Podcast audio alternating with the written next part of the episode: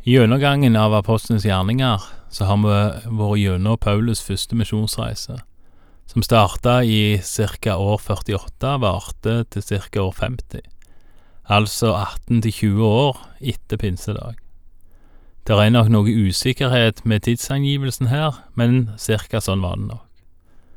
Nå skal vi starte på kapittel 15, som i hovedsak handler om et møte i Jerusalem. Hvorfor dette er så viktig, kommer vi tilbake igjen til om litt. Mot slutten av kapittel 15 i Apostlenes gjerninger så starter Paulus sin andre misjonsreise. Men nå, først, møtet i Jerusalem, eller rettere sagt oppspillet til møtet i Jerusalem. Vi leser fra Apostlenes gjerninger, kapittel 15, vers 1. Det kom noen ned fra Judea og begynte å undervise brødrene. Hvis dere ikke følger den skikken vi har fra Moses og lar dere omskjære, kan dere ikke bli frelst. I slutten av kapittel 14 leste vi at Paulus og Barnabas var i Antiokia, en by som lå i det som nå er den sørlige delen av Tyrkia, mot grensen til Syria. Antiokia var, som vi allerede har lest, en sentrale by i den første kristne tid, og både Peter og Paulus var innom der.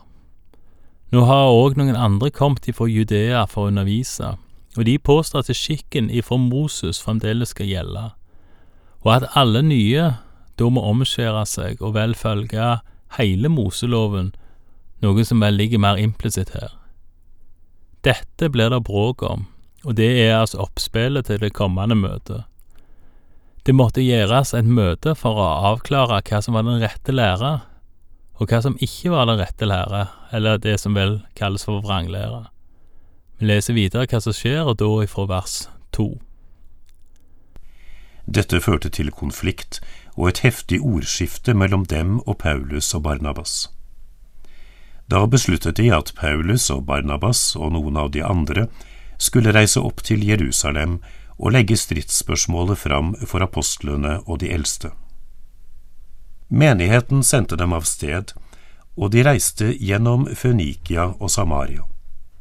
Til stor glede for alle søsknene som var der, fortalte de hvordan hedningene hadde vendt om. Igjen mener jeg her at det er noe vi kan lære av i våre dager. Når det kommer til et stridsspørsmål, så trekker en seg tilbake, samler seg og behandler det på en skikkelig måte. Og som vi skal lese videre om, så går det ganske varmt for seg. Vi leser ifra vers fire. Da de var kommet fram til Jerusalem, ble de mottatt av menigheten, apostlene og de eldste, og de fortalte dem om alt det Gud hadde gjort gjennom dem. Men noen fra fariseerpartiet som hadde kommet til tro, sto fram og hevdet de må omskjæres og pålegges å holde Moseloven. Det er vel egentlig det samme som skjer både i Antiokia og her i Jerusalem som vi har kommet til nå, at noen omvendte jøder tar til orde for at hele Moseloven må holdes. Det som vel dette dypest sett handler om, er hva som skal til for å bli frelst. Moseloven, som Jesus ikke opphevde, men oppfylte, var og er Guds lov, eller pakt, med menneskene.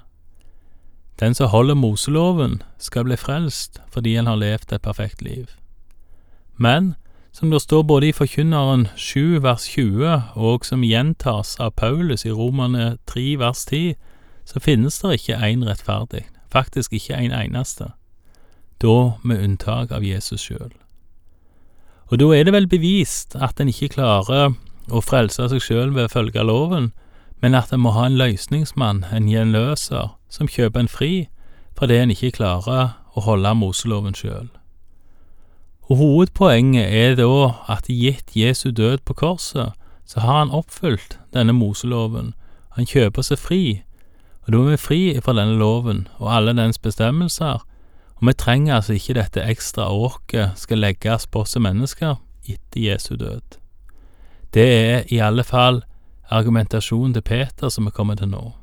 Det kan være nyttig å huske på at en er løst ifra loven når det gjelder frelsen, men at en selvfølgelig bør eller skal holde Guds lov både fordi en sjøl har godt av å følge Guds instruksjoner over livet, men òg fordi ens medmenneske har det best når alle følger Guds lov.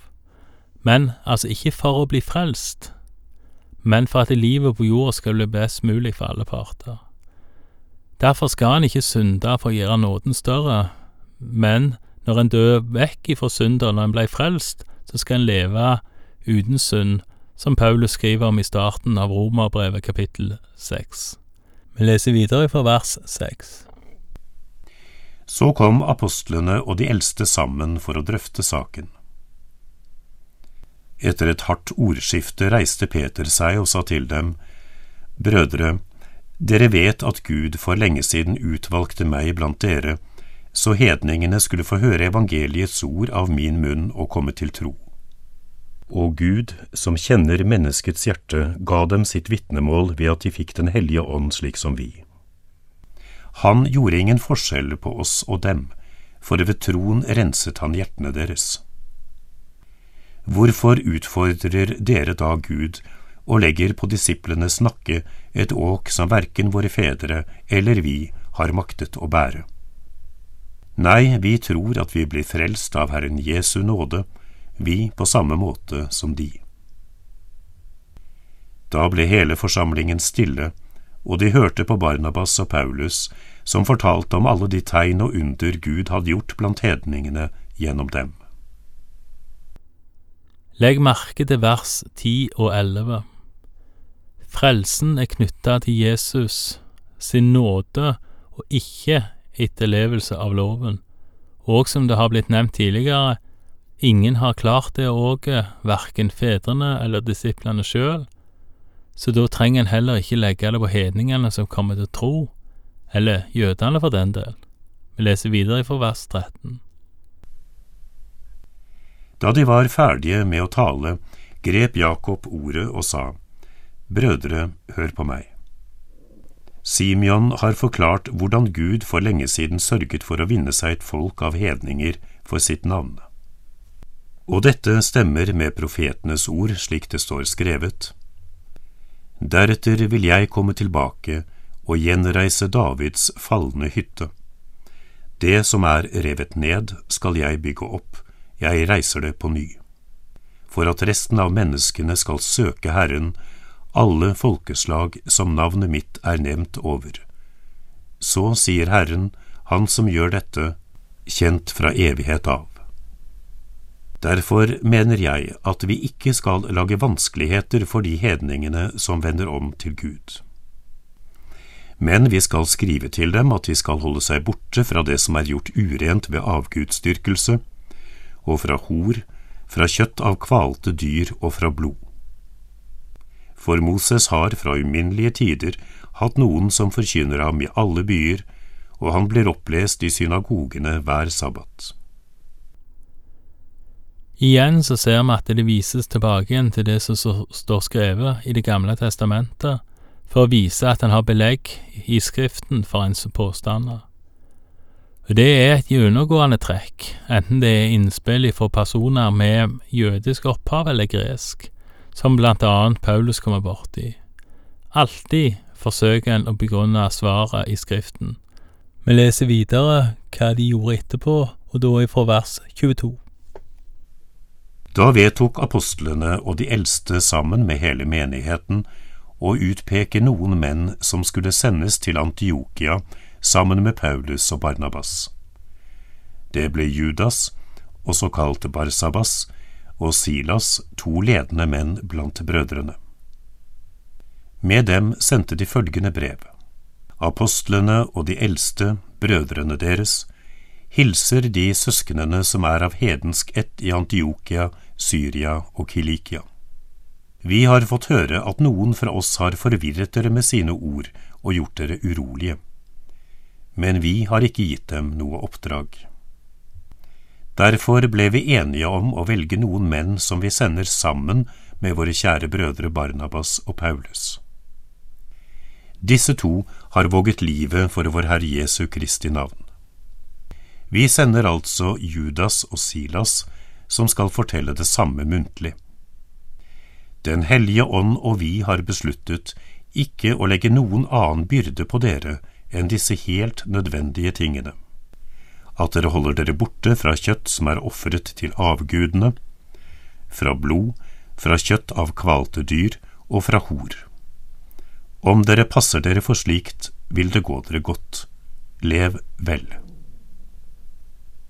Så ble de sendt ut, og de kom ned til Antiokia. Der samlet de alle og overbrakte brevet. Da det var blitt lest opp, gledet alle seg over den trøsten det ga. Judas og Silas, som selv var profeter, talte lenge til søsknene der og oppmuntret og styrket dem. De ble der en tid, og med ønske om fred lot søsknene dem reise tilbake til dem som hadde sendt dem. Men Silas fant at han burde bli der. Paulus og Barnabas ble en tid i Antiokia, der de underviste og forkynte Herrens ord sammen med mange andre. Opptakten til møtet i Jerusalem var uenighet i Antiokia, og etterspillet blir at det som apostlene ble enige om ut ifra Skriften, blir formidla tilbake igjen til de i Antiokia. Det står også at utsendingene, altså Paulus, Barnabas, Judas og Silas, blei værende der ei stund. De sendte ikke bare svaret som brevet og håpte på det beste, men de levde sammen med menigheten i Antiokia ei stund trulig for å gå med de på veien, leve livet sammen med de. Mye av det samme har en vel òg i misjon i våre dager, at en lever sammen med, bor med, og da går et stykke vei sammen med de en forkynner for. Over tid og på tvers av situasjoner. Altså ikke noe som er gjort i en håndvending. Vi leser videre om at Paulus og Barnabas igjen skulle på misjonsreis, men at det blir hver for seg. Vi leser fra Apostlenes gjerninger, kapittel 15, vers 36. Etter en tid sa Paulus til Barnabas, La oss dra tilbake og besøke våre søsken i alle de byene hvor vi har forkynt Herrens ord, for å se hvordan det går med dem. Barnabas ønsket å ta med seg Johannes med tilnavnet Markus. Men Paulus var bestemt på at ham skulle de ikke ta med, han som hadde forlatt dem i Pamfylia og ikke gått med dem i arbeidet der. Det ble en så bitter strid mellom dem at de skilte lag. Barnabas tok med seg Markus og seilte til Kypros, mens Paulus valgte å ta med Silas. Så dro han av sted etter at brødrene hadde overgitt ham til Herrens nåde. Han la veien gjennom Syria og Kilikia og styrket menighetene der. Det er trist å lese at Paulus og Barnabas skiller lag etter så mange år. Barnabas, som betyr trøstens sønn, hadde kjent Paulus lenge, og det var han som gikk god for Paulus når han skulle besøke apostlene første gang, noe en kan lese om i kapittel 9 vers 27, men som òg Paulus nevner i starten av Galaterbrevet, uten at Barnabas nevnes eksplisitt der. Det er siste gang Barnabas nevnes i apostlenes gjerninger, og han tar med seg Johannes Markus, så det var grunnen til at de skiltes. Som vi nettopp leste, og som det står i kapittel 13 vers 13, så forlot Johannes Markus Paulus og Barnabas under den første misjonsreisen i Pamphylia. Hvorfor vet vi ikke. Barnabas ser ut til å ønske å gi han en ny sjanse, mens Paulus ikke ønsker det. Her har vi ikke oversikten over detaljene, men vi registrerer at de skilles. Men det er òg viktig å få med seg at både Barnabas og Johannes Markus nevnes av Paulus i hans brev. Begge nevnes felles, og det skrives at de er søskenbarn i Kolosserbrevet kapittel fire. Kolosserbrevet antas å ha blitt skrevet mens Paulus var i fangenskap i Roma, altså ca. år 62 og da mange år etterpå det vi har lest om her. Så sjøl om de skildes før andre misjonsreise i en bitter strid, så nevnes de igjen av Paulus, og da med svært positive ordelag etterpå. Og her er det noe vi kan lære. Takk for i dag, og Herren være med deg.